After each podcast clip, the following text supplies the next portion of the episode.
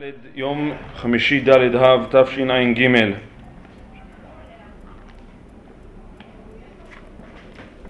אור לה' אב יום הדהילולה של רבי יצחק לוריה לא אם לא תסתדר אני אבוא לגבי אותך. טוב, אני רוצה לקרוא. אני רוצה לקרוא את לשון המדרש, מדרש, מדרש איכה, פתיחתא, זה, זה מה פה. כן, פתיחתא ה'. רבי אבאו בשם רבי יוסי בר חנינא פתח. לכן כה אמר השם זה פסוק ביחזקאל כ"ד פסוק ו'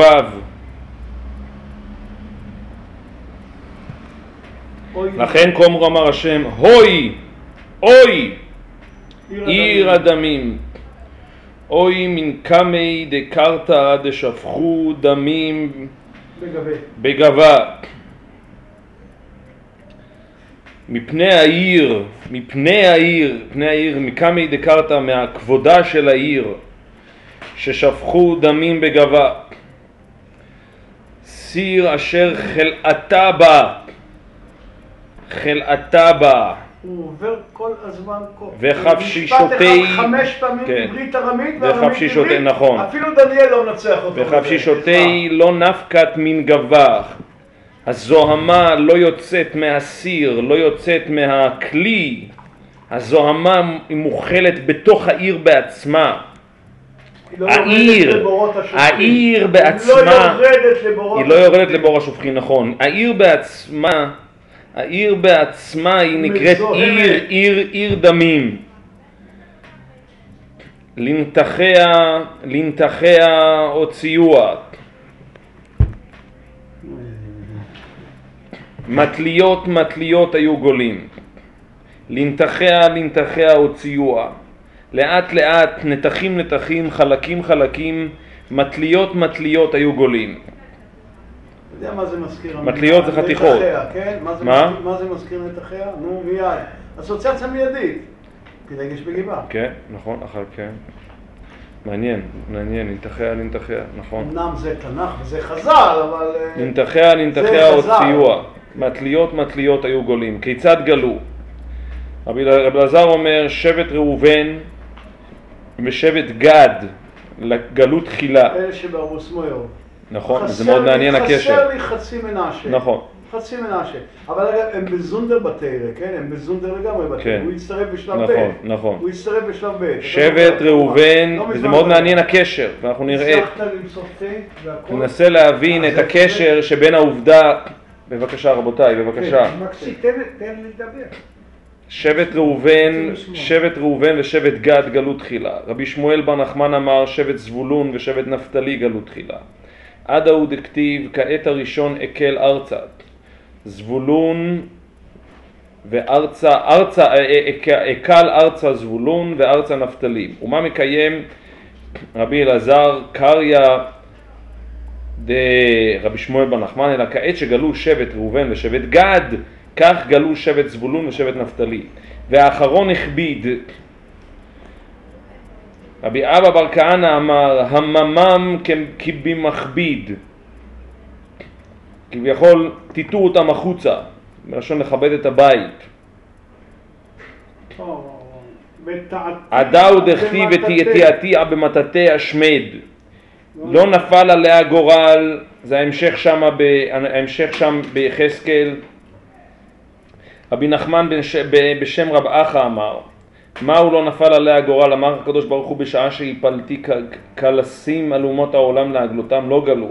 ואתם למה גליתם? כי דמה בתוכה היה. כי דמה בתוכה היה. כל כך למה לעלות חמה, להעלות חמה. רבי יהודן שאל לרב אחא, אמר לו, היכן הרגו ישראל את זכריה בעזרת ישראל או בעזרת נשים? אמר לו, לא בעזרת ישראל ולא בעזרת נשים, אלא בעזרת הכהנים.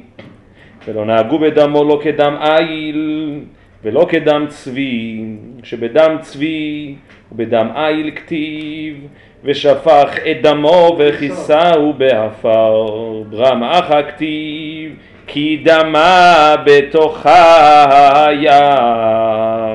על צחיח סלע שמתהו, לא שפכתהו על הארץ לכסות עליו עפר. אז יש פה עניין, אז זה דבר, זה דבר, זה דבר, זה דבר, זה דבר,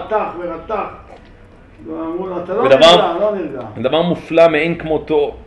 יש כאן רצח, יש כאן שפיכות דמים, ולא סתם שפיכות דמים, שפיכות דמים של נביא בישראל, את הנביא זכריה, כהן ונביא. כהן ונביא.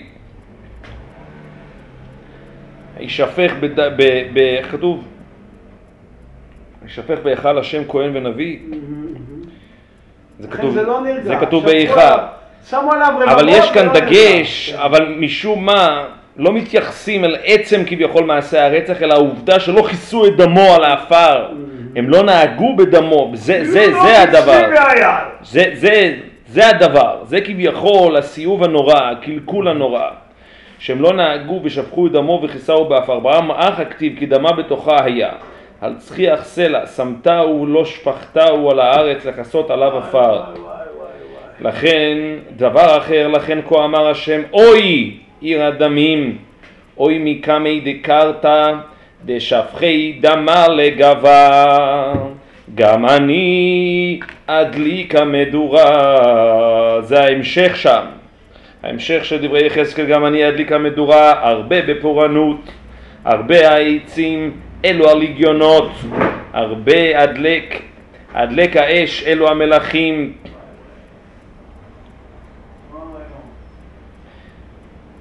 טוב, אז מה שאני רוצה לדבר היום, אני מביא את דברי המדרש הללו כ... כאיזושהי נקודת מוצא להתבוננות בסוגיה שהיא סוגיה נכבדה מאוד. סוגיה שהיא נכבדה מאוד, ואת האמת, שאת הסוגיה הזאת שאני רוצה לדבר היום, הסוגיה הזאת שאני רוצה לדבר היום מבוארת בצורה, אני חייב לומר, די מפורשת בפרשה האחרונה שקראנו בשבוע שעבר. אני רוצה לקרוא מתוך הפרשה האחרונה שקראנו בשבוע שעבר.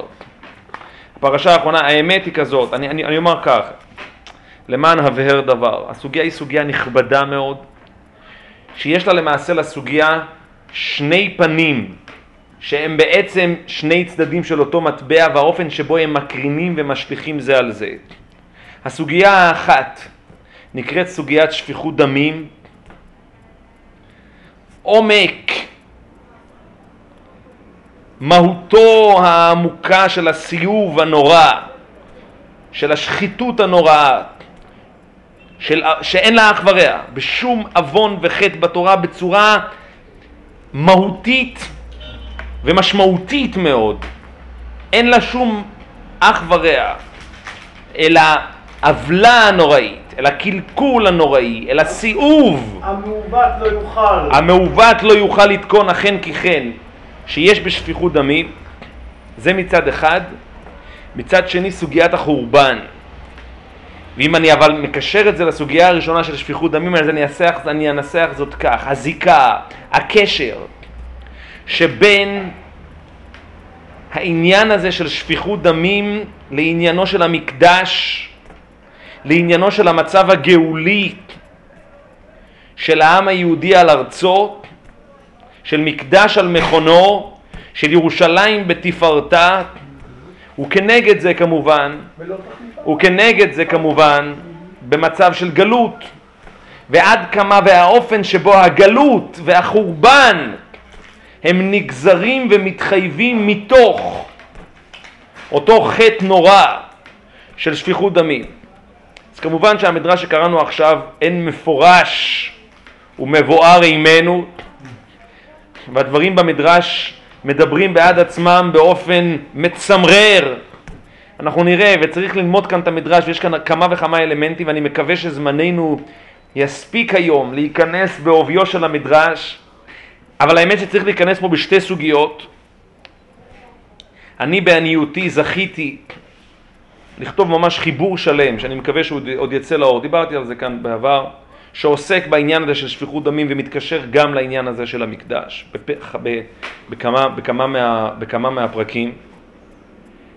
ואני רוצה אבל לדבר על היום הדברים בכלליות, עד כמה שזמננו ודעתנו מגעת ומשגת.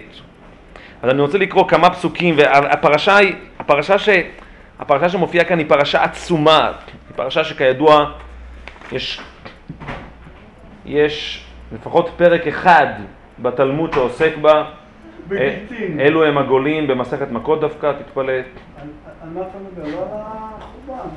כן, אז אני מדבר, אני מדבר על הפרשה בפרשת מסעי, בפרשת מסעי, וזה פרשת הורג נפש בשגגה. אז אני קורא את הפסוקים, אני קורא את, הפסוק, את הפסוקים במהירות.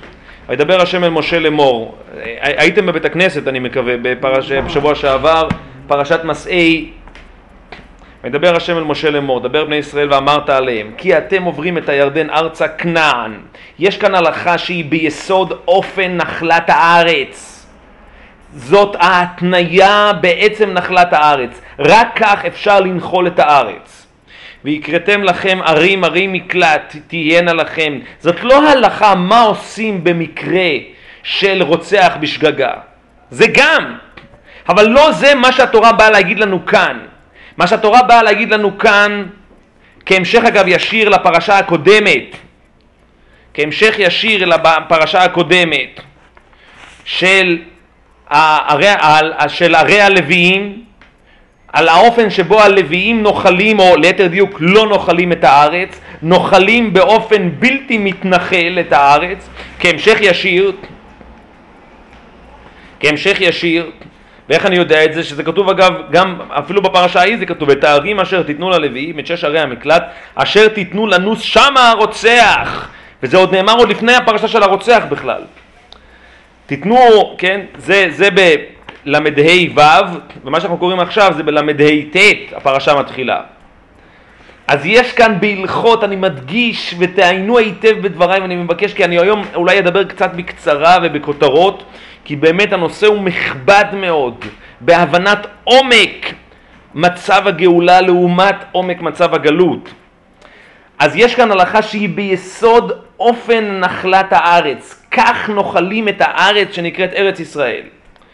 ויקראתם לכם שם ל"ה י"א ל"ה י"א ויקראתם לכם ערים, ערים מקלט תהיינה לכם ונס שמה רוצח מכה נפש בשגגה. והיו לכם הערים למקלט מגואל ולא ימות הרוצח עד עומדו לפני העדה למשפט. והערים אשר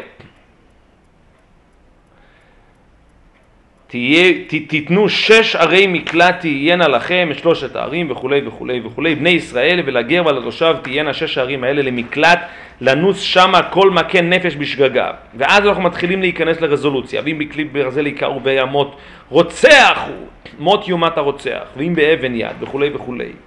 כל זה עדיין מהלכות עדיין זה מהלכות אופן נחלת הארץ שצריך, לרצ... שצריך להרוג את הרוצח זה עדיין, זה דין בנחלת הארץ. ואם באבן יד ימות בה ואם באבן יד אשר ימות בה יכהו וימות רוצח הוא. מות יומת הרוצח או בכלי עץ אשר ימות. טוב אני לא אכנס לרזולוציה. אני אומר בספרי שאני מקווה שיצא לאור בהקדם אני מעריך מאוד בפסוקים האלה. גואל אדם הוא יעמית את הרוצח בפגעו בו הוא ימיתנו, ואם בסיני יעדפנו, או ישליך עליו בצ, בצ, בצ, בצדיה וימות, או באיבה וכולי וכולי וכולי. טוב, אני מדלג, ושפטו העדה בין המכה ובין גואל אדם על המשפטים האלה, והצילו העדה את הרוצח מיד גואל אדם, והשיבו את העדה לעיר מקלטו השנה שמה וכולי וכולי וכולי. אני מדלג לפסוק כ"ח, כי בעיר מקלטו ישב עד מות הכהן הגדול, ואחרי מות הכהן הגדול ישוב על הרוצח אל ארץ אחוזתו. אז מה שאני רוצה רק לומר כך, כתוב כאן שאדם שהוא במצב שהוא, האדם שהוא במקום שהוא רוצח, גם אם הוא בשגגה, הוא בעצם מעוקר יכולת לנחול את הארץ. אין לו תפיסה, אין לו אחיזה בארץ. אם אני רוצה לנסח את זה ביתר חריפות, אז אני אנסח זאת כך. ארץ שלרוצח יש בה נחלה, אז כל הנחלה של הארץ הופכת להיות נחלה מסואבת. כביכול התורה אומרת כך, גם אם הדברים כרגע הם לא מותאמים, אני לא, עדיין לא מבאר מדוע, אבל זה מה שכתוב, אני כרגע ממש לומד את פשוטי המקראות ממש.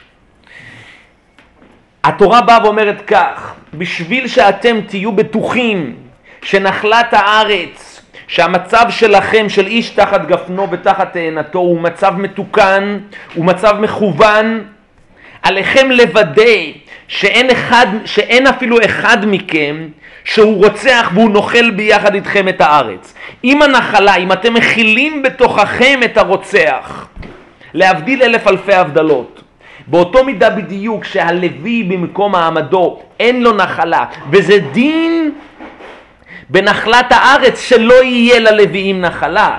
זה הדין על דרך השלילה, ומאידך צריך לתת להם את מה שנותנים להם. אבל הנחלה צריכה להיות נחלה בלי הלוויים. למה ככה? כשנלמד את הסוגיה הזאת, נתבונן בה. אבל באותה מידה בדיוק, להלפ... להבדיל כמובן, ביחס אל הרוצח, נקרא לזה מהצד של הקדושה, בצד של הלווים, בצד של הטומאה, כן, כמטאפורה, בצידו של הרוצח. הרוצח, כשהוא משתתף בנחלת הארץ, כל נחלת הארץ הופכת להיות נחלה מחוללת. נחלה מטומאת, טמאה, זה לא אני אומר, עוד מעט נראה את הפסוקים בעצמם. בכל מקרה, התלות של גואל אדם בעובדה שהוא איננו נוכל את הארץ היא בא, באוטוריטה הגבוהה ביותר, באוטוריטה המקדשית הגבוהה ביותר, הכהן הגדול, כביכול הוא מצורף אל המקדש. הנוכחות הזה, הזאת של הכהן הגדול לא מאפשרת לו לחזור לנחול את הארץ, וכביכול ברגע שמחליפים כהן, הכהן מת, אז משהו פה מתאפס. יש פה איזשהו סוג של איפוס. קוראים לזה באנגלית ריסטארט, התחלה מחדש. הכהן הגדול מת, ואז כביכול יש לו את האפשרות לנחול מחדש. הוא יכול לחזור כלשון התורה אל ארץ אחוזתו. אבל כל זמן שהכהן הגדול, כל זמן שיש כאן את הנוכחות המקדשית הגבוהה ביותר הזאת של הכהן הגדול, הוא תלוי, הוא בלתי, הנחלה הופכת להיות בלתי אפשרית בעבורו. בלתי אפשרית, אבל זה לא רק שהנחלה היא בלתי אפשרית בעבורו. כל נחלת ארץ ישראל היא בלתי אפשרית כשאחד הנוחלים הוא רוצח. זה אפשר קצת סדר, כן? ננסה לעשות סדר. מה, מה זה פה רוצח? רוצח זה רשלן בעצם. מי שעל רוצח. רוצח בשגגה, נו נו. רוצח בשגגה, כן. זאת אומרת רשלן. מהמם. מה שאצלנו עכשיו זה ציפי חוטובלי. סגנית השר. שהיא אמונה על, אה, תאונות הדרכים. ועכשיו לגבי כהן הגדול, זה אחריות זה- זה- מיניסטריאלית. זאת הכוונה, זה- זו- זאת ה- אחריות זה לא מיניסטריאלית. אחריות מיניסטריאלית, זאת גם- זה גם- זה גם הכהן הגדול הוא כולו- הוא מיניסטריאלית, כולו כוונה. לא שפיט, לא שפיט, לא בגיץ, זה לא פלילי. אה, זה- וזה זה תלוי, אה, זאת אומרת, זה הכל בידי שמיים פה, אז מצד אחד הרוצח, אה, אחריות מיניסטריאלית, היא מאפשרת, היא, היא לא, אין, אין פה אפשרות לש, של שפיטה, של דין של בני אדם, משהו פלילי, הכל זה בדיני שמיים, אבל כתוצאה מזה זה נוהג של רשלנות. אני שומע, אני שומע, זו פרשנות מעניינת, אני התייחסתי לזה, יש לי, אני שומע, זו פרשנות דווקא מעניינת. בכל מקרה, אני רוצה להמשיך, והיו אלה לכם לחוקת משפט. מה זה חוקת משפט? לא כאן המקום להיכנס. לחוקת משפט לדורותיכם בכל מושבותיכם. היינו בכל מושבותיכם הכוונה, אתם חושבים רגע, הרוצח הוא לא מהשבט שלי בכלל, הוא לא מהמשפחה שלי, הוא לא מהנחלה שלי בכלל. איך הנחלה שלו קשורה אל הנחלה שלי? אומרת התורה בכל מושבותיכם, דהיינו כל המושבות כולם תלויים ועומדים בנחלה האחת והיחידה ההיא של הרוצח השפל ההוא. זאת אומרת, כל, כל הנחלה, כל המושבה בארץ ישראל תלויה ועומדת עד כמה היא מקיאה מתוכה את הרוצח בכל מושבותיכם. ופה אני רוצה להמשיך, כל לא מכה נפש לפי עדים ירצח את הרוצח ועד אחד לא יענה בנפש למות, אוקיי, נמשיך, נ- נ- היום נדלג. לא קוראים את זה רצח. היום לא קוראים הריגה, הריגה, נכון, נכון, נכון. נכון, אבל בדייקה התורה, התורה, נכון. נכון, נכון. אני, עכשיו אני קופץ לפסוק ל"ג, והפסוק הזה הוא פסוק שהוא בעצם, אמנם הפסוק המסכם, אבל הוא בעצם גולת הכותרת. גולת הכותרת של מה שאנחנו מדברים עכשיו. והפסוק הזה הוא פסוק שכל מילה בו זועקת. זה בפסוק ל"ג, ולא תחניפו את הארץ. לא. ולא תחניפו את הארץ, אומר רש"י, ולא תרעישו, כך אומר גמא, ולא תחייבון, אומר התרגומיית ערה, לא תחניפו את הארץ אשר אתם בה, כי הדם הוא יחניף את הארץ, ולארץ לא יכופר לדם אשר שופח, שופח, אשר שופח בה, כי אם בדם שופכו, ולא תטמא את הארץ אשר אתם יושבים בה, אשר אני שוכן בתוכה, כי אני השם שוכן בתוך בני ישראל. טוב, שני הפסוקים האלה, פסוק ל"ג ופסוק ל"ד, שהם לעולם אגב נקראים לפני, סמוך ונראה ממש, לראש חודש אב.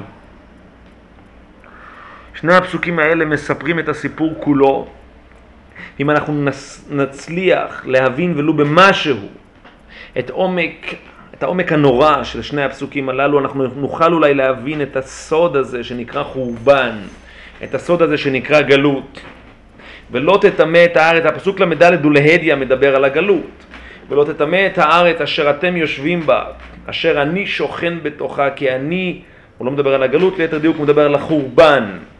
ולא תטמא את הארץ אשר אתם יושבים בה, אשר אני שוכן בתוכה.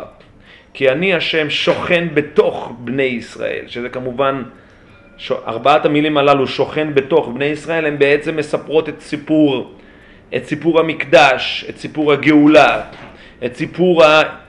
את סיפור, את, הסיפור, את האופן שבו הנוכחות האלוהית שורה בתוך העם היהודי. בתוך העולם בעצם. ולא תטמא את הארץ אשר אתם יושבים בה, אשר אני שוכן בתוכה. עכשיו, יש כאן סיפור עם אדם, כמו שראינו כבר במדרש. יש כאן סיפור עם אדם, יש כאן סיפור עם הארץ. ויש כאן הרשעה של הארץ. מה זאת הארץ? מה הסיפור פה עם הארץ? מה, מה הסיפור של ה... מה, מה הסיפור פה עם הארץ הזאת? מה זה לשון חניפה? מה זה הלשון חניפה, הלשון של הרשעת הארץ?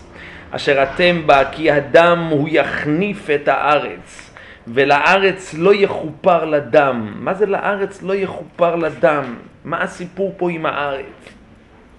כי כאילו ישות בפני עצמה. כאילו יש כאן את הסיפור, הס- הארץ מדברת, הארץ תובעת, תובעת את עלבונה, תובעת את קלקולה, תובעת את טומאתה. ולאו דווקא ברצח. כי יש גם בדברים אחרים. דבר נוסף, באריות, באריות. באריות. באריות, באריות, נכון, באריות, נכון, באריות. טוב, אני לא... נכון. טוב, העניין הופך להיות חידתי מרגע לרגע, אבל אם אתם מתעקשים שזה עדיין לא חידתי מספיק, אז בואו נעמיס עוד קצת חידתיות ואניגמטיות זה? בסוגיה. חידתיות, אניגמטיות זה חידתיות. סוג של, כן. אניגמה זה מיסטרי. בשביל, ואולי איכשהו מתוך כל הסבך המסתורי הזה נמצא איזושהי מסילה להבין, להתבונן. אני רוצה דווקא לחזור לפרשת בראשית, שבה אנחנו עוסקים ולומדים בעיון רב, אבל פרשה שאנחנו פה אני כמובן מדלג קדימה, כמה וכמה פסוקים בעצם לפרשייה אחרת, שהיא בעצם הפרשייה שהיא ההתרחשות הראשונה המשמעותית הפוסט גירושית. אני כמובן מדבר על פרשת רצח, פרשת הרצח הראשונה בתורה, או ליתר דיוק פרשת הרצח הראשונה בהיסטוריה האנושית לדורותיה. אני מניח שניחשתם זאת. ויהי מקץ ימים, ויבא קין מפרי האדמה מנחה להשם. והבל והבל הביא גם הוא מבכורות צונו מחלביהן. וישע השם אל הבל ואל מנחתו. זה כבר בבראשית ד', אנחנו בבראשית ג', אנחנו בבראשית ג', וזה כבר בראשית ד', ואנחנו עוד נגיע לזה. אבל כאן אני מקדים את המאוחר ואני רוצה לקרוא את הפרשה. כי הפרשה הזאת היא בעצם היא, היא אבן דרך. והבל הביא גם הוא מבכורות צונו ומחלביהן, וישע השם אל הבל ומנחתו, ואל קין ומנחתו לא שעה, ואיחר לקין מאוד, ויפלו פניו. אז, אז כבר אנחנו רואים שקין מחובר אל האדמה בצורה יותר משמעותית מהבל. הבל מתרומם מעל פני האדמה ומביא את החלקים היותר. הבל מביא מבכורות שונו, מחלביהן. זה לא העצם האדמה, הוא גם מחובר לרובד יותר, רובד גבוה יותר של חיים, כן? של, של צאן. דבר שיש בו חיים, זה לא דבר דומם, זה לא דבר דומם. הבל מביא מהאדמה עצמה, מפרי האדמה. טוב, ויאמר השם אל קין, למה חרה לך, ולמה לפנו פניך, האם לא אם תיטיב שאת, אם לא תיטיב לפצח, על הפתח אתה תרובץ, ואליך תשוקתו ואתה תמשול בו. טוב, על זה אנחנו נדבר ועוד נאריך כשנגיע, ודיברנו האמת בעבר, אבל זה פחות מענייננו. ויאמר קין אל הבל אחיו, ויהי בהיותם בשדה. גם זה פסוק חידתי, מה הוא אמר לו? ויהי בהיותם בשדה, ויקם קין אל הבל, ויקם קין אל, אל הבל אחיו, ויהרגהו. ויאמר השם אל קין, היי, היי הבל, הבל אחיך, ויאמר לא ידעתי, השומר אחי אנוכי. ויאמר מה עשית? כל דמי אחיך צועקים אליי מן האדמה, מן האדמה, שוב פעם האדמה קופצת פה. ועתה ארור אתה מן האדמה אשר פצת את פיה לקחת את דמי אחיך מידיך. ופה אני מגיע לפסוק המשמעותי, כי תעבוד את האדמה לא תוסף תת כוחה לך, נע ונד תהיה בארץ. ויאמר קין אל השם, גדול הנבונים מנשוא. הן גירשת אותי היום מעל פני האדמה ומפניך אסתר. והייתי נע ונד בארץ והיה כל מוצאי יהרגני. אני חושב שלא יכול להיות תיאור יותר מדויק, יותר קולע אל המצב של הגלות מהפסוק שלפנינו. הן גירשת אותי היום מעל פני האדמה ומפניך אסתר, ומפניך אסתר. והייתי נע ונד בארץ והיה כל מוצאי יהרגני. אני חושב שכל האספקטים של הגלות, הרעיוניים והמוחשיים, העובדתיים, ההיסטוריים, מוכמנים כאן בפסוק הזה. כולם, ללא יוצא מן הכלל. אין שום אספקט של גלות, אין שום צד, אין שום אופן כל האנפין האפשריים של הגלות נמצאים כאן בפסוק הזה, בפרק ד', פסוק י"ד בפרשת בראשית. הן גירשת אותי היום מעל פני האדמה, ומפניך אסתר, והייתי נע ונד בארץ, והיה כל מוציא הרגני. זה גולת הכותרת למילה אחת, מה שנקרא גלות. העם היהודי לדורותיו לקח את הפסוק הזה ופירט אותו לכאלה קוונטים, לכאלה גורמים. ומצעד תום כל מילה ומילה, כל אספקט ואספקט, כל אופן ואופן של גלות כפי שהוא מופיע בפסוק הזה. הן גירשת אותי היום מעל פני האדמה, ומפניך אסתר, והייתי נע ונד בארץ, והיה כל מוצאי יהרגני. אז מה יש כאן? אז מה הסיפור? ואני רגע חוזר לפסוק י"ב, כי תעבוד את האדמה לא תוסף תת כוחה לך, נע ונד תהיה בארץ. לא תוסף כוחה לתת לך. מה זה, מה פירוש המילות בכלל? מה פירוש המילות בכלל? טוב, אז אני אומר כך. אני אתחיל דווקא מהפרשה הזאת שבה, אנחנו, שבה קראתי עכשיו, כהמשך למה שאנחנו כמובן מדברים פה בשנים האחרונות. ללא ספק, ללא ספק, אני רק רוצה לקרוא, אני רק רוצה לקרוא רש"י. הפסוק עם ה... איפה החומש עם המפרשים? עם הרמב"ן. איזה, איזה? בראשית. הנה הוא פה לידך. אה. כן? כן, כן. אני רוצה לקרוא רש"י, הרמב"ן חולק על רש"י, אבל רש"י הוא עדיין רש"י. ואני רוצה לקרוא רש"י, שברש"י הדברים כתובים לאדיא. אז רש"י אומר כך,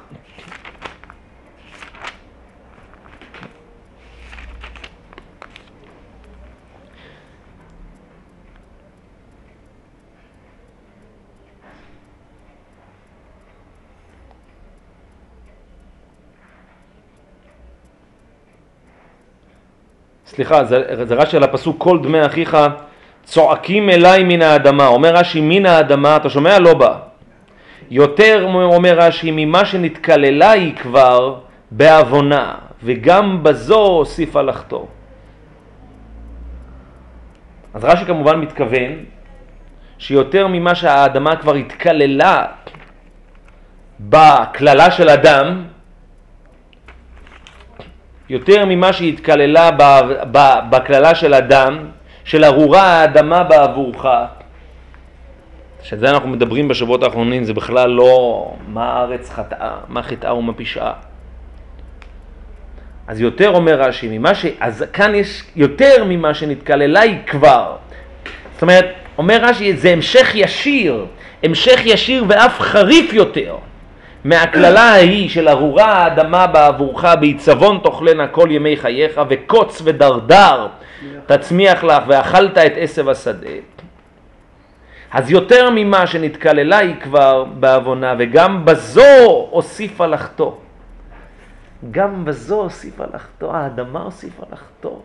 קין רוצח את אחיו הבל, והאדמה הוסיפה לחטוא. האדמה הוסיפה לחטוא.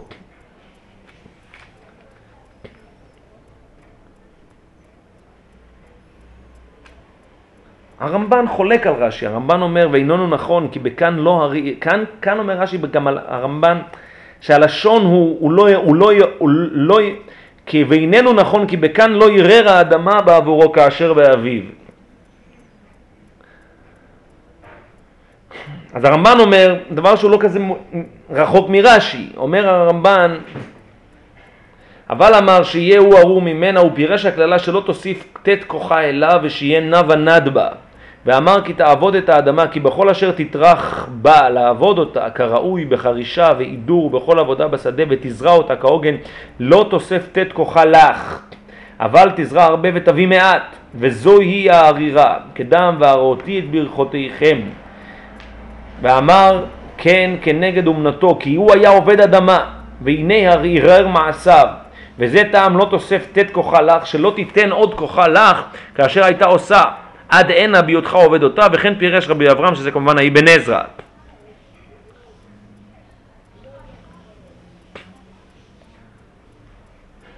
אני רק מדלג ברמב"ן ואני מגיע לרמב"ן בסוף, אומר הרמב"ן אבל יהיה גולה לעולם כי עונש הרוצחים גלות כי עונש הרוצחים גלות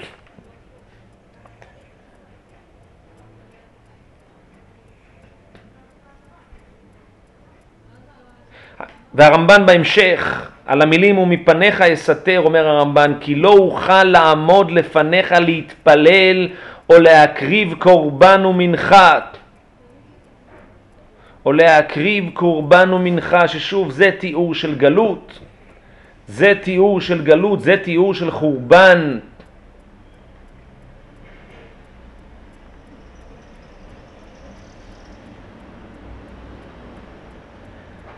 ואחרי זה הוא אומר כי בעבור שאהיה נע ונד ולא אבנה לי בית ולא אבנה לי בית וגדרות בשום מקום יהרגוני החיות כי שר צלך מעליי כי שר צלך מעליי טוב, אז אני אתחיל, בואו בואו בואו בוא נתחיל להיכנס אחרי כל המבוא הזה. עד כאן זה חלק המבוא כמובן. אז אני אומר כך, ברור הדבר שהסיפור הזה של קין והבל זה לא סיפור, נוצרה קונסטלציה, במקרה, באופן אקראי. יש כאן סיפור שמתרחש לאחר הגירוש. זה דברי הבל. ברור שיש כאן סיפור המשך, יש כאן סיפור מתגלגל, או אם תמצאו לומר, יש כאן גירוש מתגלגל. הגירוש הוא מתגלגל. הגירוש, הגירוש הגדול, כמטאפורה אפשר לומר חורבן בית ראשון וחורבן בית שני. הגירוש הגדול בגין האכילה מעץ הדעת. והגירוש הנמשך, או אם תמצאו לומר הגירוש הסופי, הגירוש בהחלט, חתימת הדין של הגירוש. האופן שבו, אגב אני אקרא את הפסוק שבא לאחר מכן, ויצא קין מלפני השם, דהיינו הוא היה עדיין מלפני השם, וישב בארץ נוד קדמת עדן. כביכול זה הגירוש הנוסף, הגירוש הסופי מגן העדן. והגירוש הזה קורה בגין מעשה רצח. המעשה הרצח הוא זה שבעצם מביא את הגירוש, חותם את הגירוש. חתימת הדין של הגירוש. הם כבר לא היו בגן עדן. אז עדיין, עדיין הייתה נוכחות, הם היו לפני השם. כי לפני כן כתוב שהאדם הראשון הלך, אני אקרא זאת, וישלחהו השם מגן עדן לעבוד את האדמה אשר לוקח משם. ויגרש את אדם וישכן מקדם לגן עדן. אז אחרי זה קין עובר ממקדם לגן עדן, הוא עובר בארץ נוד קדמת עדן. זה כנראה יותר רחוק.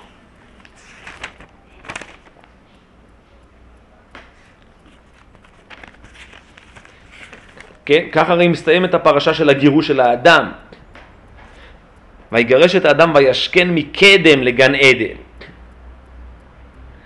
וישכן מקדם עדן את הכרובים ואת תלת החיים המתהפכת לשמור את דרך עץ החיים, סליחה. בכל מקרה הוא שם אותו וישלחהו השם אלוהים מגן עדן לעבוד את האדמה אשר לוקח משם. אז אומר רש"י מקדם לגן עדן במזרחו של גן עדן חוץ לגן. בכל מקרה. אבל זה לאדיה, שהוא עדיין היה לפני השם, כי ויצא קין מלפני השם, וישב בארץ נוד קדמת עדן. טוב, אז אני אומר כך, כל הרעיון של גן עדן, כפי שאנחנו מדברים עליו, זה בעצם המציאות שבה הארץ אין לה מציאות לכשעצמה. או כפי שהיינו נוהגים לכנות זאת, לא הארץ שיש לה אדם, אלא האדם שיש לו ארץ. האופן שבו בעצם כל הרעיון במצבו של האדם בגן העדן, שכל קיומו, שכל אופן קיומו, כל סביבת קיומו, כל התצורה הקיומית, כל התצורה ההווייתית, האונטית, האקזיסטנציאליסטית של הווייתו, מעוגנת בסובייקטיביות הטהורה שלו. אין לה שום קיום עצמי. והאדם אין לעבוד את האדמה, לעבוד את האדמה. אין שום קיום לאדמה מחוץ לאדם. האדמה היא לכאורה הפסיבית ביותר, היא לכאורה הבלתי מצטרפת ביותר, היא קרקע עולם, היא פסיבית. האדמה הרי לא מנהלת שום שיג ושיח עם האדם. מה זה אדמה? האדמה היא סטטית, היא קבועה, היא מונוליטית, היא חסרת כל זיקה של אל סובייקט לכאורה. אבל לא, אנחנו הולכים אל האדמה בעצמה, אל הפלטפורמה הקיומית. האדמה למעשה מעוגנת באדם עצמו, והאדם אין לעבוד את האדמה. האדם הוא, הוא גן העדן בעצמו, אין קיום לגן עדן מחוץ לאדם. מושג האדם הוא בעצם זה שמחייב את מושג גן, גן העדן. אם איבדנו את מושג האדם, אם מושג האדם נאבד, אם מושג האדם נגרע, וקל וחומר בן בנו של קל וחומר. אם מושג האדם מחולל, אם מושג האדם נפגע באופן אנוש, גן עדן נעלם כלא היה, הוא לא קיים. החטא הראשון של האדם היה בעצם האופן שבו להפך, האדם מנתק את עצמו, הוא מתכנס אל תוך עצמו, הוא מנתק את עצמו מההוויה. לא היה פה שום, אין שום, אין שום פגיעה במושג האדם. להפך, האדם לא רוצה להיות הרמוני עם סביבתו.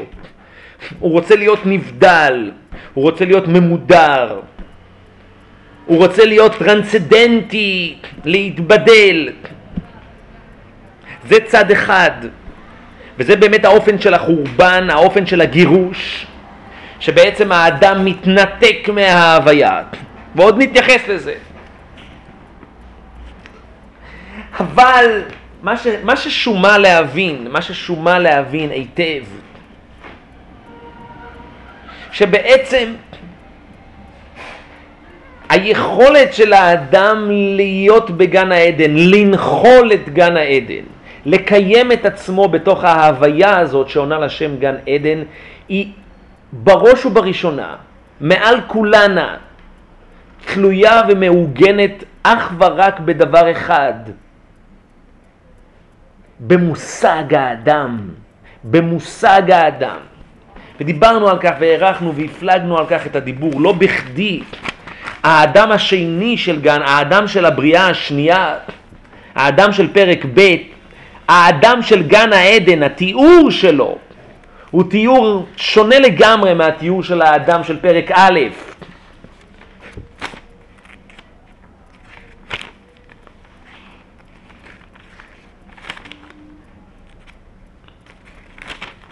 נעשה אדם,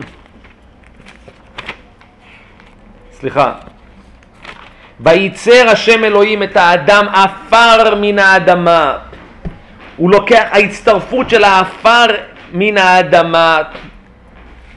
אל האדם, ההצטרפות של, ההצטרפות של העפר מן האדמה. אל האדם. דבר שלא קיים בכלל בפרק, בפרק א'. היחס בין אדמה, היחס בין האדמה לבין האדם לא קיים בכלל בפרק א'. כי בפרק א' כביכול האדם מצטרף אל האדמה ולא האדמה מצטרפת אל האדם. בפרק ב' וייצר השם אלוהים את האדם, אתה שומע לו בעפר מן האדמה. האדמה מעוגנת במושג המחודש הזה. ביש מאין הזה שנקרא אדם והאדמה לגמרי מסתפחת, מסתנפת אל אותו מושג שנקרא אדם. וייצר השם אלוהים את האדם עפר מן האדמה ואו אז ויפח באפיו נשמת חיים ויהי אדם לנפש חיה. זאת אומרת, כך כביכול האדמה זוכה לגאולה, האדמה זוכה לצידוק. וממילא, וזה מה שאנחנו לומדים בשבועות הללו, כאשר האדם מתקלל, האדמה מתקללת בעבורו. ועוד נראה בפסוקים שאנחנו צריכים עוד ללמוד.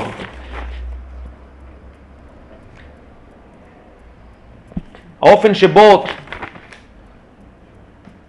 עד שובך אל האדמה כי ממנה לוקחת אתה ואל עפר תשוב זה הנפסדות, האדם חוזר אל האדמה רגרסיה קוראים לזה רגרסיה.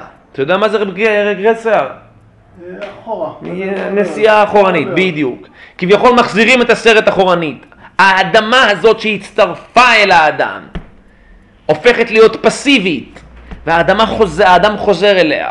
ועל כך אנחנו עוד נרחיב את הדיבור כשאנחנו נגיע לזה, אנחנו מאוד קרובים לזה, אנחנו עוסקים בזה בעצם בשבועות הללו. אבל בכל מקרה לענייננו, הבשורה, הבשורה בה"א הידיעה, של האדם בגן העדן זה וייצר השם אלוהים את האדם עפר מן האדמה. עפר מן האדמה, ואותו עפר מן האדמה הופך להיות ויפח באפיו נשמת חיים, את עצם החיים. ויהי אדם לנפש חיה. ואם אין אדם, אז והאדם אין לעבוד את האדמה. ועשב יעלה מן הארץ, זה כל מה שכתוב כתוב בפסוקים לפני כן, שהאדמה אין לה משמעות. וכל שיח השדה טרם יהיה בארץ, וכל עשב השדה טרם יצמח. כי לא המטיר השם אלוהים על הארץ, והאדם אין לעבוד את האדמה. אז הכל שממה, אין לאדמה שום משמעות. האדמה גוזרת את משמעותה רק עד כמה שיש אדם שהיא בעצמה פיזית, מטריאליסטית. היא מצטרפת אליו, היא מצטרפת אל הסובייקט הטהור הזה שנקרא נפש חיה, רוח ממלא לה. הסובייקט הטהור. רק עד כמה שהיא מסתפגת בסובייקטיביות הטהורה הזאת שעונה לשם אדם. בביטול גמור, בביטול מוחלט. זה לא קיים אצל האדם של פרק א'. אתה עוקב רב דוד? משתדל בכל כוחותיי, כנראה אבל משתדל בכל כוחותיי. זה לא קיים אצל האדם של פרק א'. מושג האדם יוצר בעצם מחייב את האדמה. מוריי ורבותיי, נשמת חיים זה בעצם מה שהאדם פוגע ישירות, ישירות בצורה שאין אנושה ממנה, במעשה הרצח. במעשה הרצח בעצם, עצם המושג של נשמת חיים נאבד כפשוטו, ואיננו עוד. אבל זה לא רק נשמת חיים. זה לא רק נשמת חיים. זה העובדה שיש כאן סובייקט שהוא טהור, שאין לו אח ורע. אין לו אח ורע, אין עוד סובייקט, לא היה, לא יקום ולא יהיה, לעולם. את אותו פלוני אלמוני עם השם והפנים המסוימות הללו. אין עוד חיים, אין עוד נשמת חיים כזאת. נכון.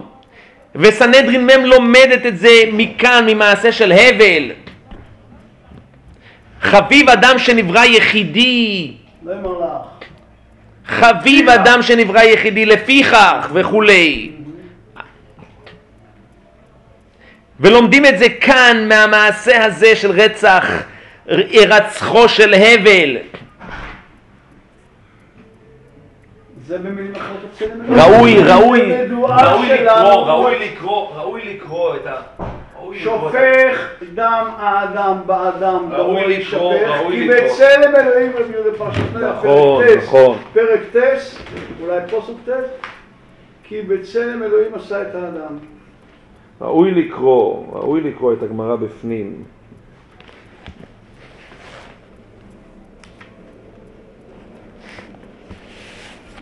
זה לא- זה לא סנהדרין ל"ט, מ'. אז זה מתחיל ל"ט, ל"ח, ל"ט, לא יותר אחורה.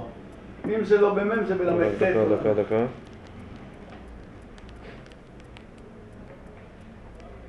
זה ל"ט. ל"ח,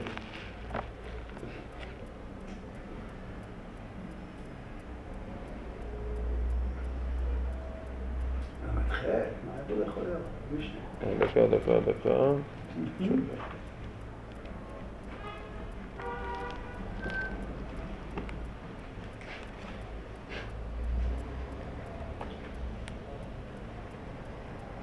לא, אתה מדבר באמת בל"ח, תנו רבנן, אדם יחידי נברא מבני מה וכולי וכולי. ומה- ומה אתה מדבר? לא, לא, לא, לא, אני, לא, לא, לא, לא, לא, אני מדבר על משהו עוד הרבה, עוד הרבה יותר מפורש, רק דקה. זה יכול להיות אפילו במשנה, שנייה. רק דקה.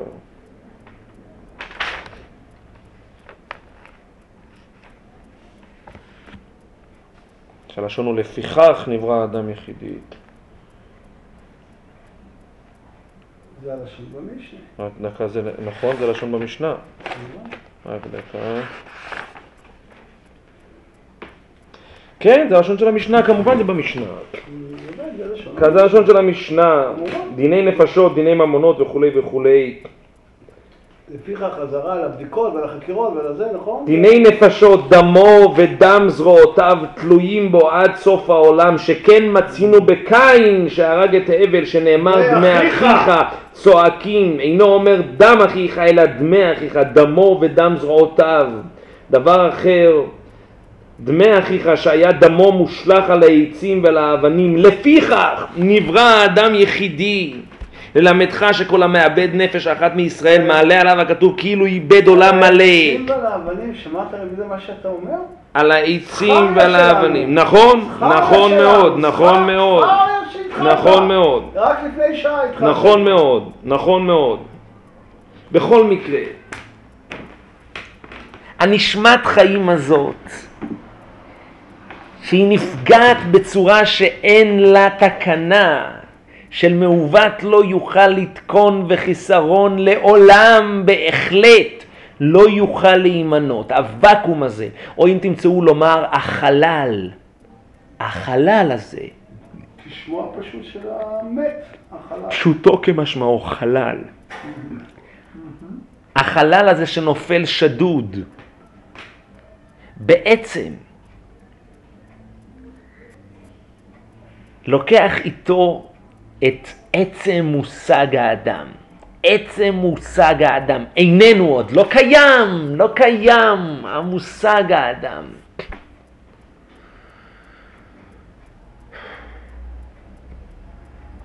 מה שקורה בעצם,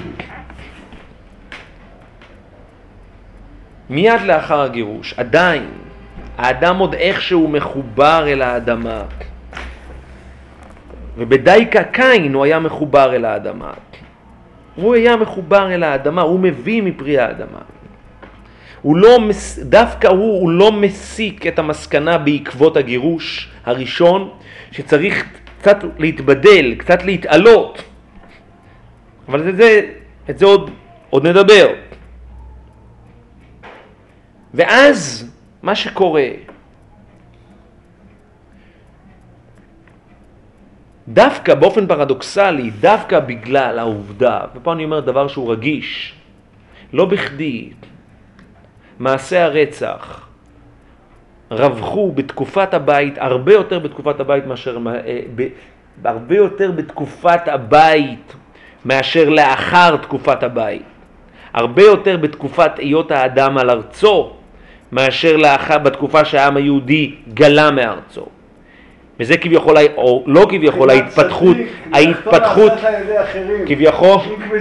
דווקא. ישנה כאן בהחלט התפתחות מוסרית שאי אפשר להתעלם ממנה. דווקא העובדה שהאדם מחובר לאדמה זה גורם לו שהוא פחות מזהה את היחידאיות הנבדלת של האדם. נא להסביר את הנקודה. בגלל העובדה שהאדם מחובר אל האדמה והוא מחובר אל הקיום, האדם, נכון, אוקיי. נכון. אז מושג האדם לא בא לידי ביטוי מכיוון שהאדם מתמזג בהווייתו. דווקא ברגע שהאדם מגורש והוא מכונס בדלת אמותיו פנימה, בדלת אמות של הלכה, דווקא אז היחידאיות, העצמאות, האוטונומיה, הסובייקט. הסובייקט הטהור, האינדיבידואל הטהור, דווקא אז הוא בא הרבה יותר לידי ביטוי. ולא בכדי, ככל שהגלות מתעמקת, כך האינדיבידואיזם, המודרנה כביכול, תופסת ראש. יש כאן תהליך שהוא תהליך, שהוא תהליך של שני צדדים של אותו מטבע, הוא תהליך דואלי. מצד אחד התרחקות מההוויה, התרחקות מעצם החיבור הבלתי מותנה אל ההוויה, מצד שני דווקא אז מושג האדם מקבל יותר הכרה, הוא מקבל יותר מקום, יותר נוכחות ולכן קין מהבחינה הזאת הוא, הוא חושים כי הוא מזהה את האדם עם האדמה ואת האדמה עם האדם ובצדק אבל, אבל, אבל, דווקא זה מחייב את זהירות שבעתיים. דווקא העובדה שאתה מחובר אל האדמה כל כך, אתה חייב להבין שמעשה הרצח במקרה הזה לא יהיה רק רצח שמכוון אל פלוני אלמוני העונה לשם הבל, אלא כלפי עצם ההוויה, או אם תמצאו לומר עצם האדמה, האדמה בעצמה נרצחת. הכל דמי אחיך זועקים מן האדמה, ידיו ורגליו, כל ההוויה או כלשון המשנה. זה תלוי על העצים, זה תלוי על, ה, על, ה, על האבנים, כל ההוויה כולה בעצם היא נרצחת כאן.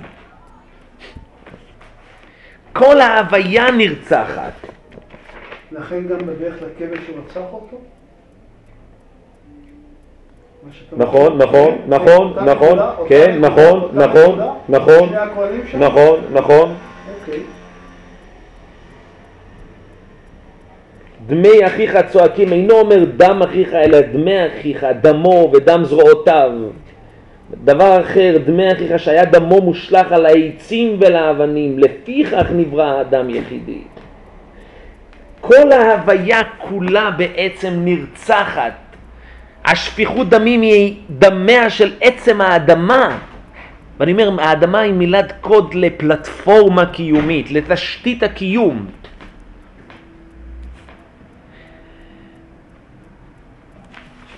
אני חוזר לרגע אל הפסוקים, אל האופן שבו אלוהים מגיב כלפי קין.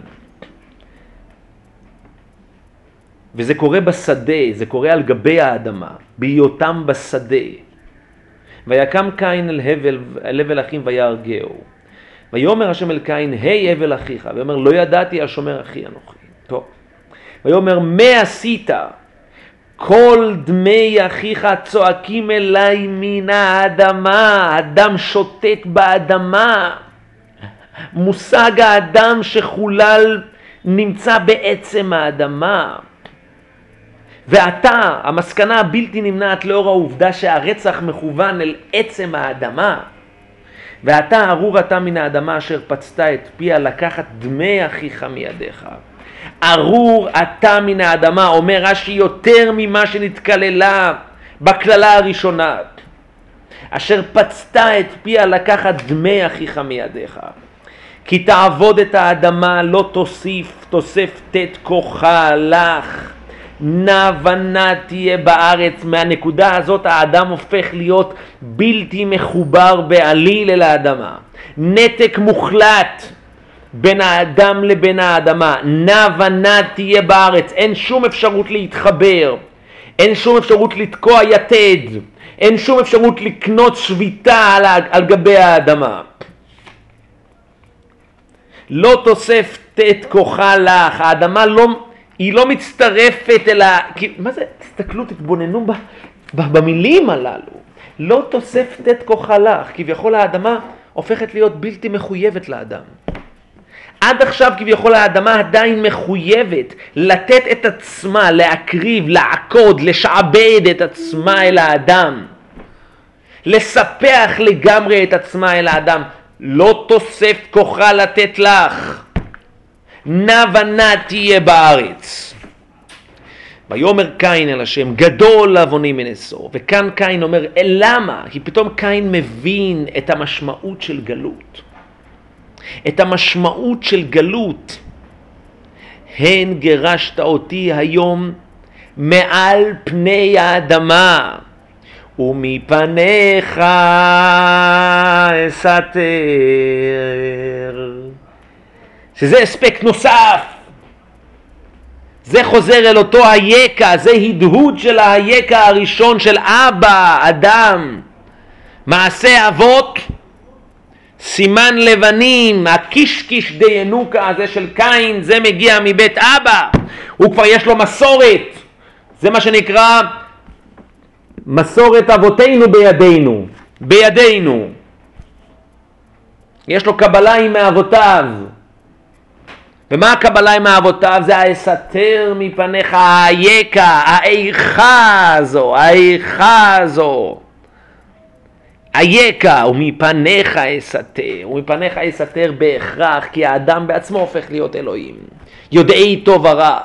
שוב, הדהוד לגמרי, אחד לאחד, של הגירוש ההוא, שקורה דור אחד קודם.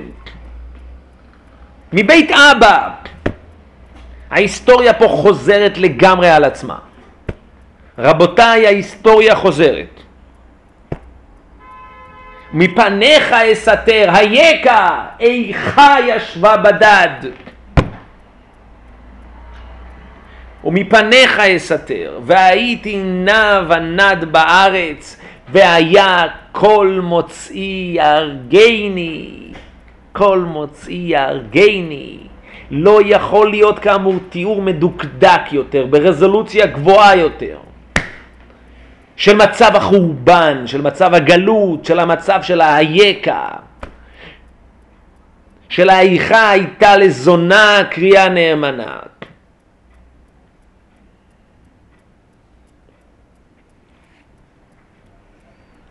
האופן שבו בעצם האדמה לא מסוגלת, אין לה בעצם את ה... לא שהיא לא, לא, לא שהיא לא מסוגלת, היא פתורה, גמרנו. היא הופכת להיות אדישה, היא חוזרת להיות אדמה, פסיבית כמו שהיא, קרקע עולם. היא חדלה להיות עם זיקה פנימית אל עצם האדם. כאשר, כאשר העם היהודי נוכל את הארץ, הדבר הכי חשוב זה מושג האדם. יש אפשרות לרצוח את מושג האדם מחיים, ואני אומר את זה בסוגריים, לרצוח את מושג האדם מחיים, אבל לא באמצעות רצח פיזי, אלא רצח צורני. הצורניות, או אם תמצאו לומר הכבוד, של מושג האדם, על הכבוד והדר תיאטרהו. אין דבר שרוצח את זה יותר, רוצח נפש, יותר מאשר גילוי עריות. זאת החרפה האנושית, זה האופן שבו האדם הופך להיות בלתי אדם בעליל. שהאדם לוקח בעצמו, רוצח בעצמו פנימה את מושג האדם. את מושג האדם כישות צורנית, אין לזה שום קיום בגילו עריות. שום קיום. זה לרצוח מחיים. אז אתה אמרת, ציטטת נכון, גם שם מופיעים, מופיע הלשון בצורה שיטתית, חוזרת ונשנית, של הכאת הארץ. וההכלה של המציאות האלוהית בתוך, בתוך אותה הוויה כמובן. זה קשור לעניין של עבודה זרה. זה קשור לעניין של עבודה זרה, כמובן.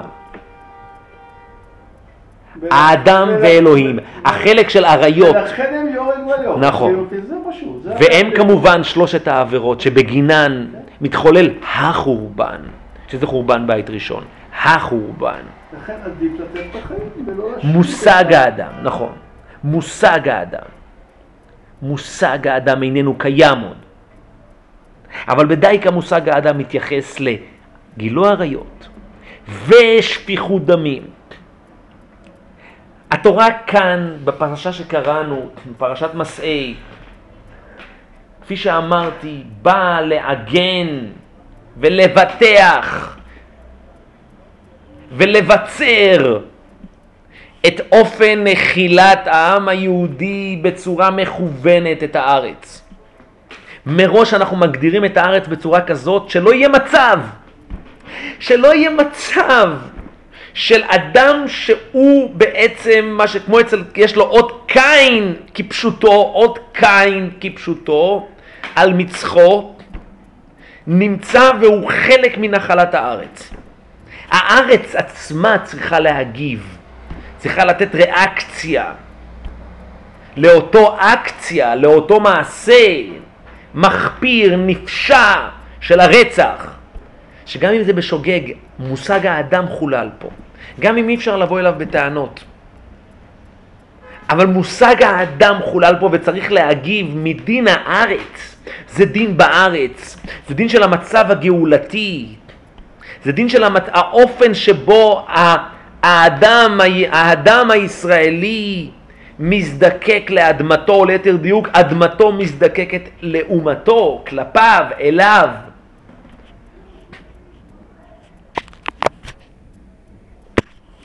הארץ עצמה צריכה להגיב, וזה חייב לבוא בתוך הקונספטואלית, בקונספט של נחילת הארץ, במתכונת המכוונת של נחילת הארץ.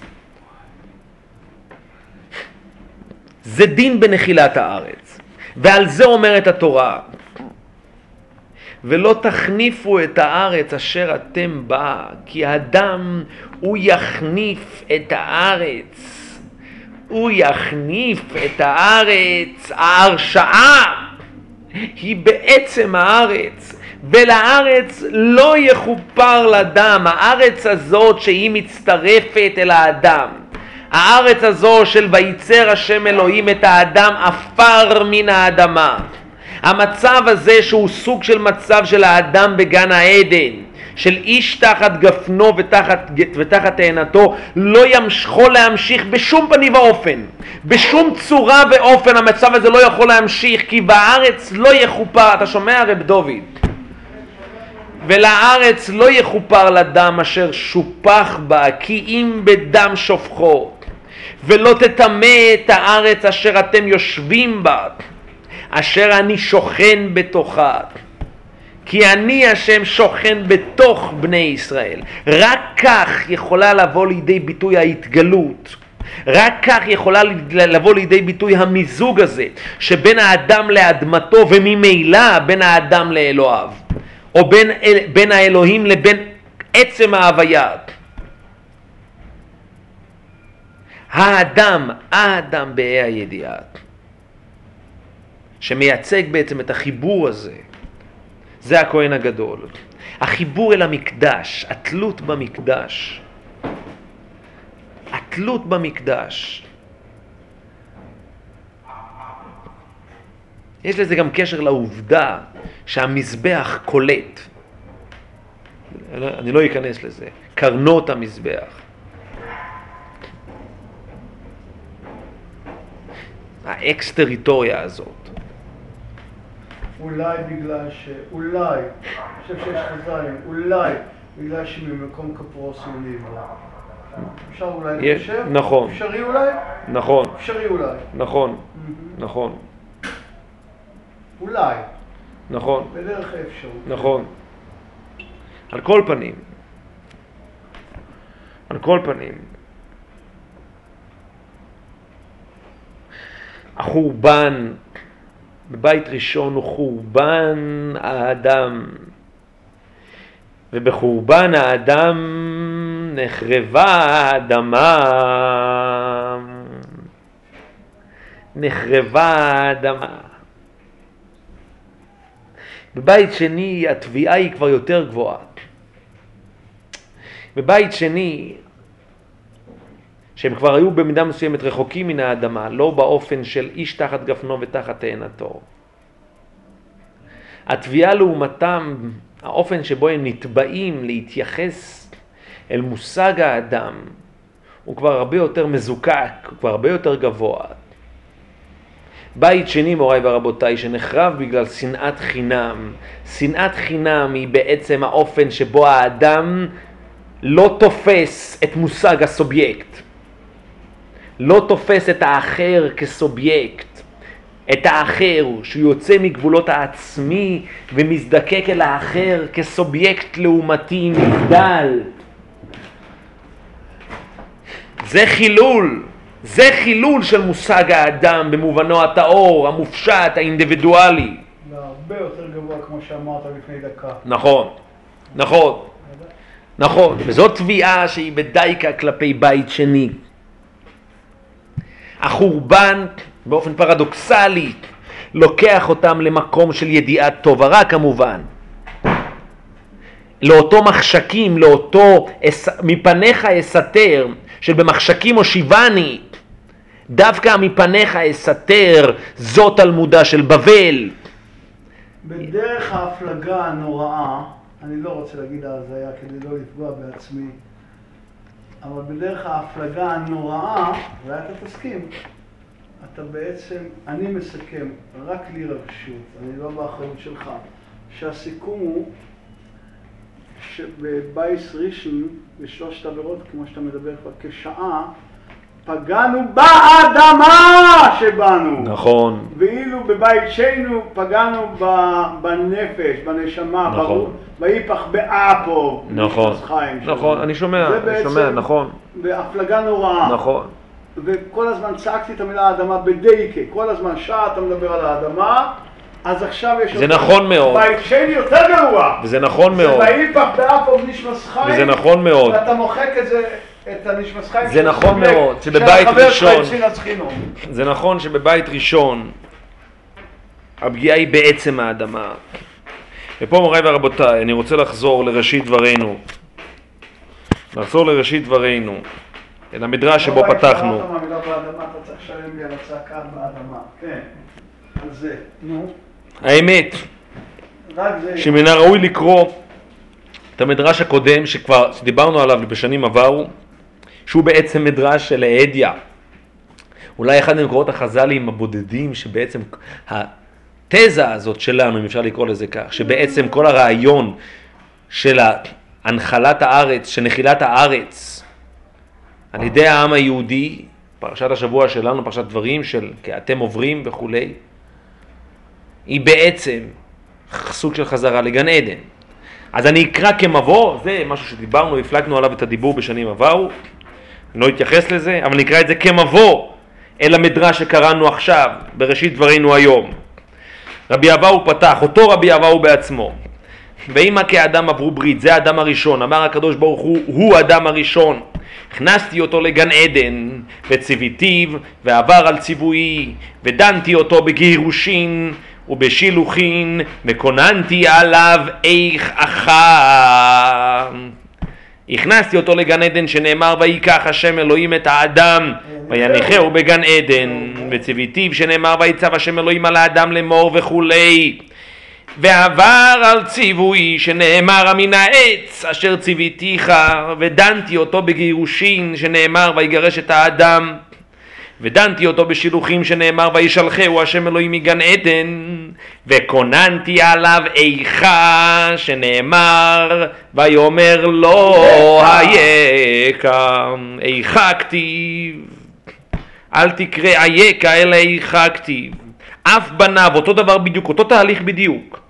הכנסתי אותם לארץ ישראל שנאמר ואביא אתכם אל ארץ הכרמל וציוויתים שנאמר צו את בני ישראל ועברו על ציווי שנאמר וכל ישראל עברו תורתך ודנתי אותם בגירושין שנאמר מביתי אגרשם ודנתי אותם בשילוחין שנאמר שלח מעל פניי ויצאו לא וכוננתי. עליהם איכה ישבה בדד רבי אבאו בשם רבי יוסי בר חנינא פתח לכן כה אמר השם אוי עיר הדמים או מקמי דקרתא דשפכו דמים בגבה סיר אשר חל, חלאתה בא הווה אומר כהמשך לכל מה שאנחנו מדברים היום עצם עצם האדמה מחוללת אשר חלאתה בא דשפכו דמים בגבה, דחפשותותי בגבה, הזוהמה היא בעצם האדמה, וחלאתה לא יצא ממנה, וחפשותי לא נפקת מגבה. לנתחיה לנתחיה הוציאוה, מטליות מטליות היו גולים, כיצד גלות?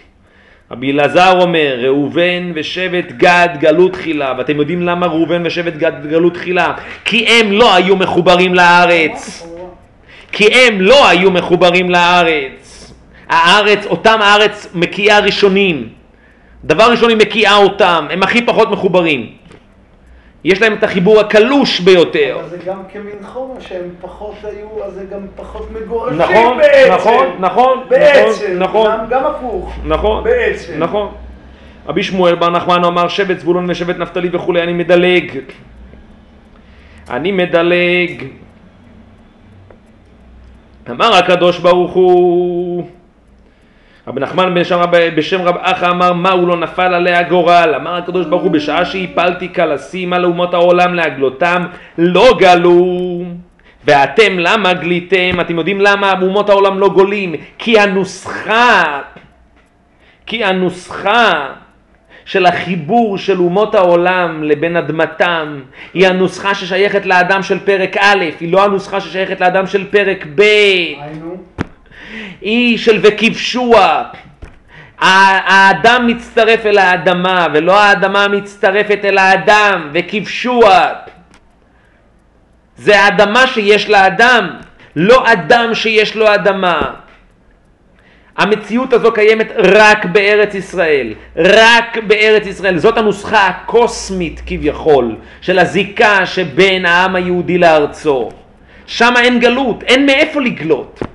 הגלות חלה רק עד כמה שזאת הנוסחה, שזאת הדוקטרינה של נחילת הארץ. רגע, גד וראובן, התירוץ שלהם להישאר בגדה השמאלית היה שיש שם אה, מקום של המספה. לצאן. נכון. זאת אומרת, ה- לגדל עץ לא היה ברשם. לא היה בראש מעייניהם, נכון? במידה אה, מסוימת הם שייכים להבל, הבל, הם, לא שייכים לקין, נכון, נכון, הערה נכונה, אבל לא שם אנחנו כבר אוחזים אז אני נתקדם, אבל הערה נכונה, הם יותר בבחינת הבל מאשר קין. בכל מקרה, אגב, גם משה הבל, ואתם, נכון, ואתם למה גליתם? כי דמה בתוכה היה, כל כך לה כי דמה בתוכה היה. אצל אומות העולם דמם הם לא בתוכם, בתוך עצם האדמה. חיצוני. היא חיצונית, נכון, לא, נכון, לא, נכון, נכון.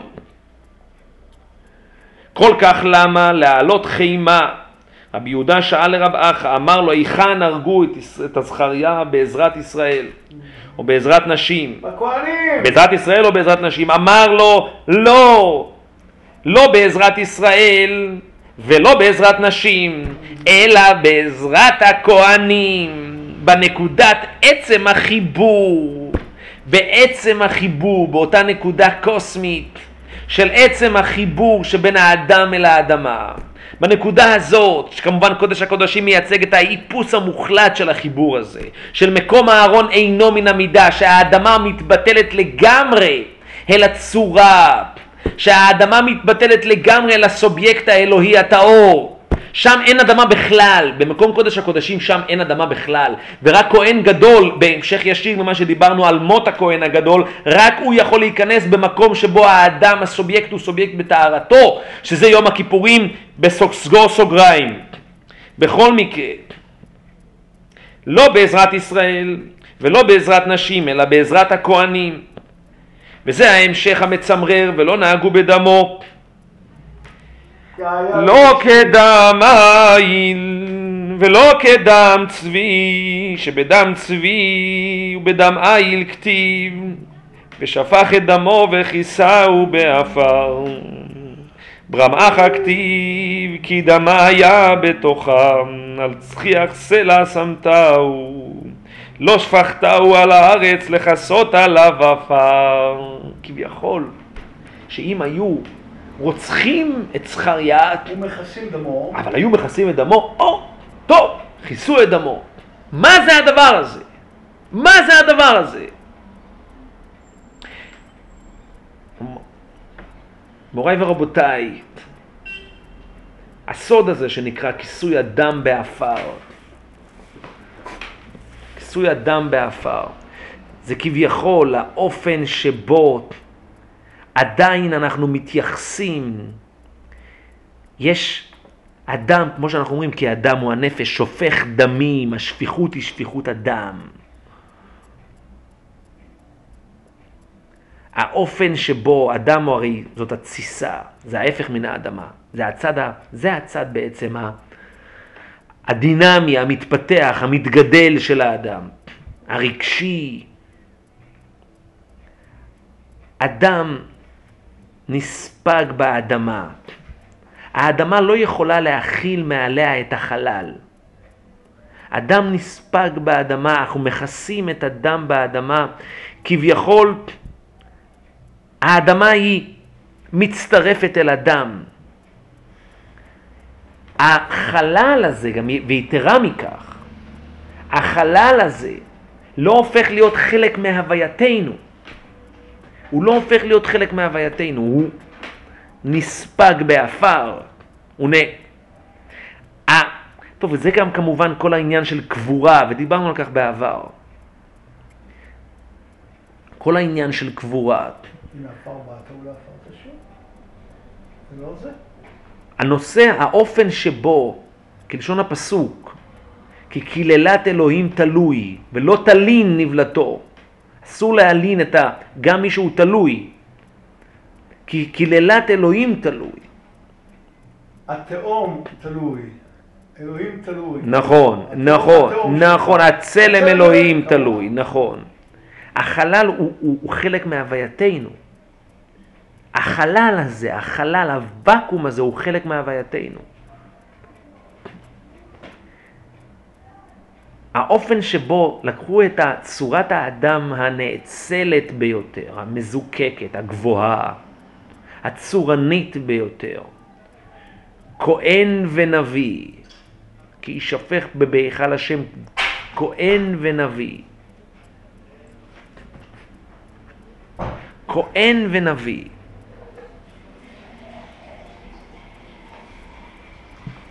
האופן שבו החלל הזה הוא חלק מהווייתם. האדמה לא יכולה להכיל זאת. יש כאן הזיקה הזאת שבין אדם לבין האדמה, בין המושג האדם לבין האדמה.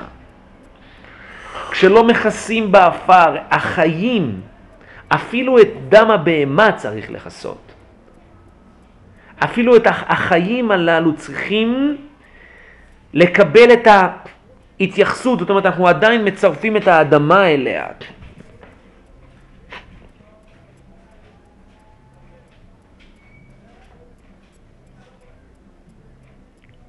אפשר לומר זאת גם במידה מסוימת גם בצורה הפוכה.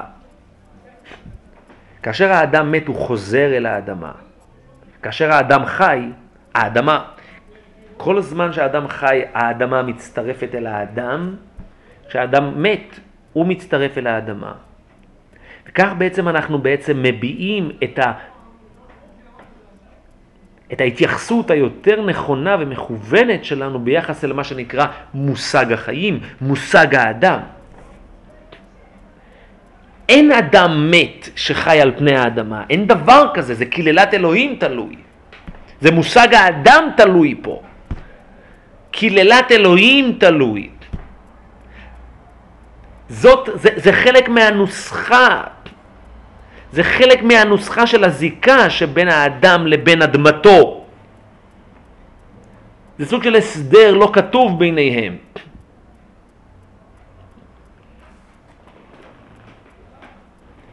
ולא נהגו בדמו לא כדם איל ולא כדם צבי, שבדם צבי ובדם איל כתיב ושפך את דמו וכיסהו באפר. ברם אחא כתיב כי דמה היה בתוכה בעצם הווייתם. היה על צחיח סלע. כי דמה, סליחה, כי דמה בתוכה היה. על צחיח סלע סמנתהו, זה מאוד מזכיר את דברי המשנה שם בסנהדרין. על העצים ועל האבנים. לא שפכתהו על הארץ לכסות עליו עפר. דבר אחר לכן, כה אמר השם, אוי עיר הדמים, אוי מנקמי דקרתא, דשפכי דמה לגבה. גם אני אדליק אגדיל המדורה, הרבה בפורענות, הרבה העצים, אלו הלגיונות. הדלק האש אלו המלכים.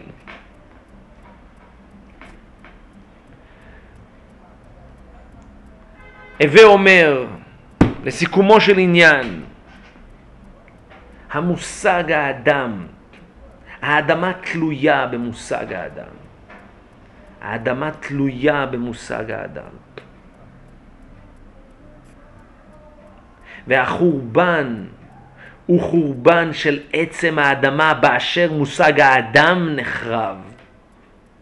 מושג האדם נחרב. אבל באופן, ובאופן פרדוקסלי, ככל שאנחנו יותר מגורשים, התביעה אלינו ביחס אל מושג האדם היא תביעה גבוהה יותר.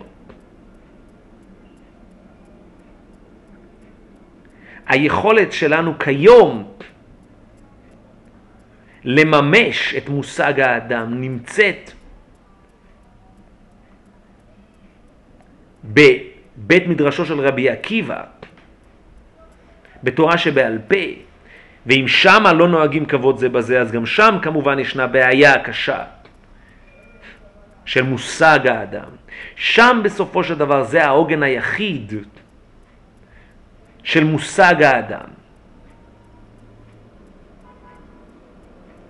של אשמח בחבריי, כל הנוסח שם של התפילה של רבי מחוניה בן הקנה.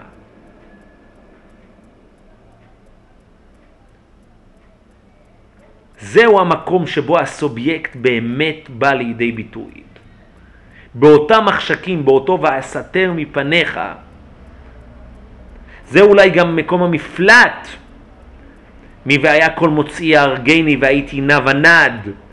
זה המקום היחיד שבו האדמה כביכול לגמרי מצורפת אל האדם.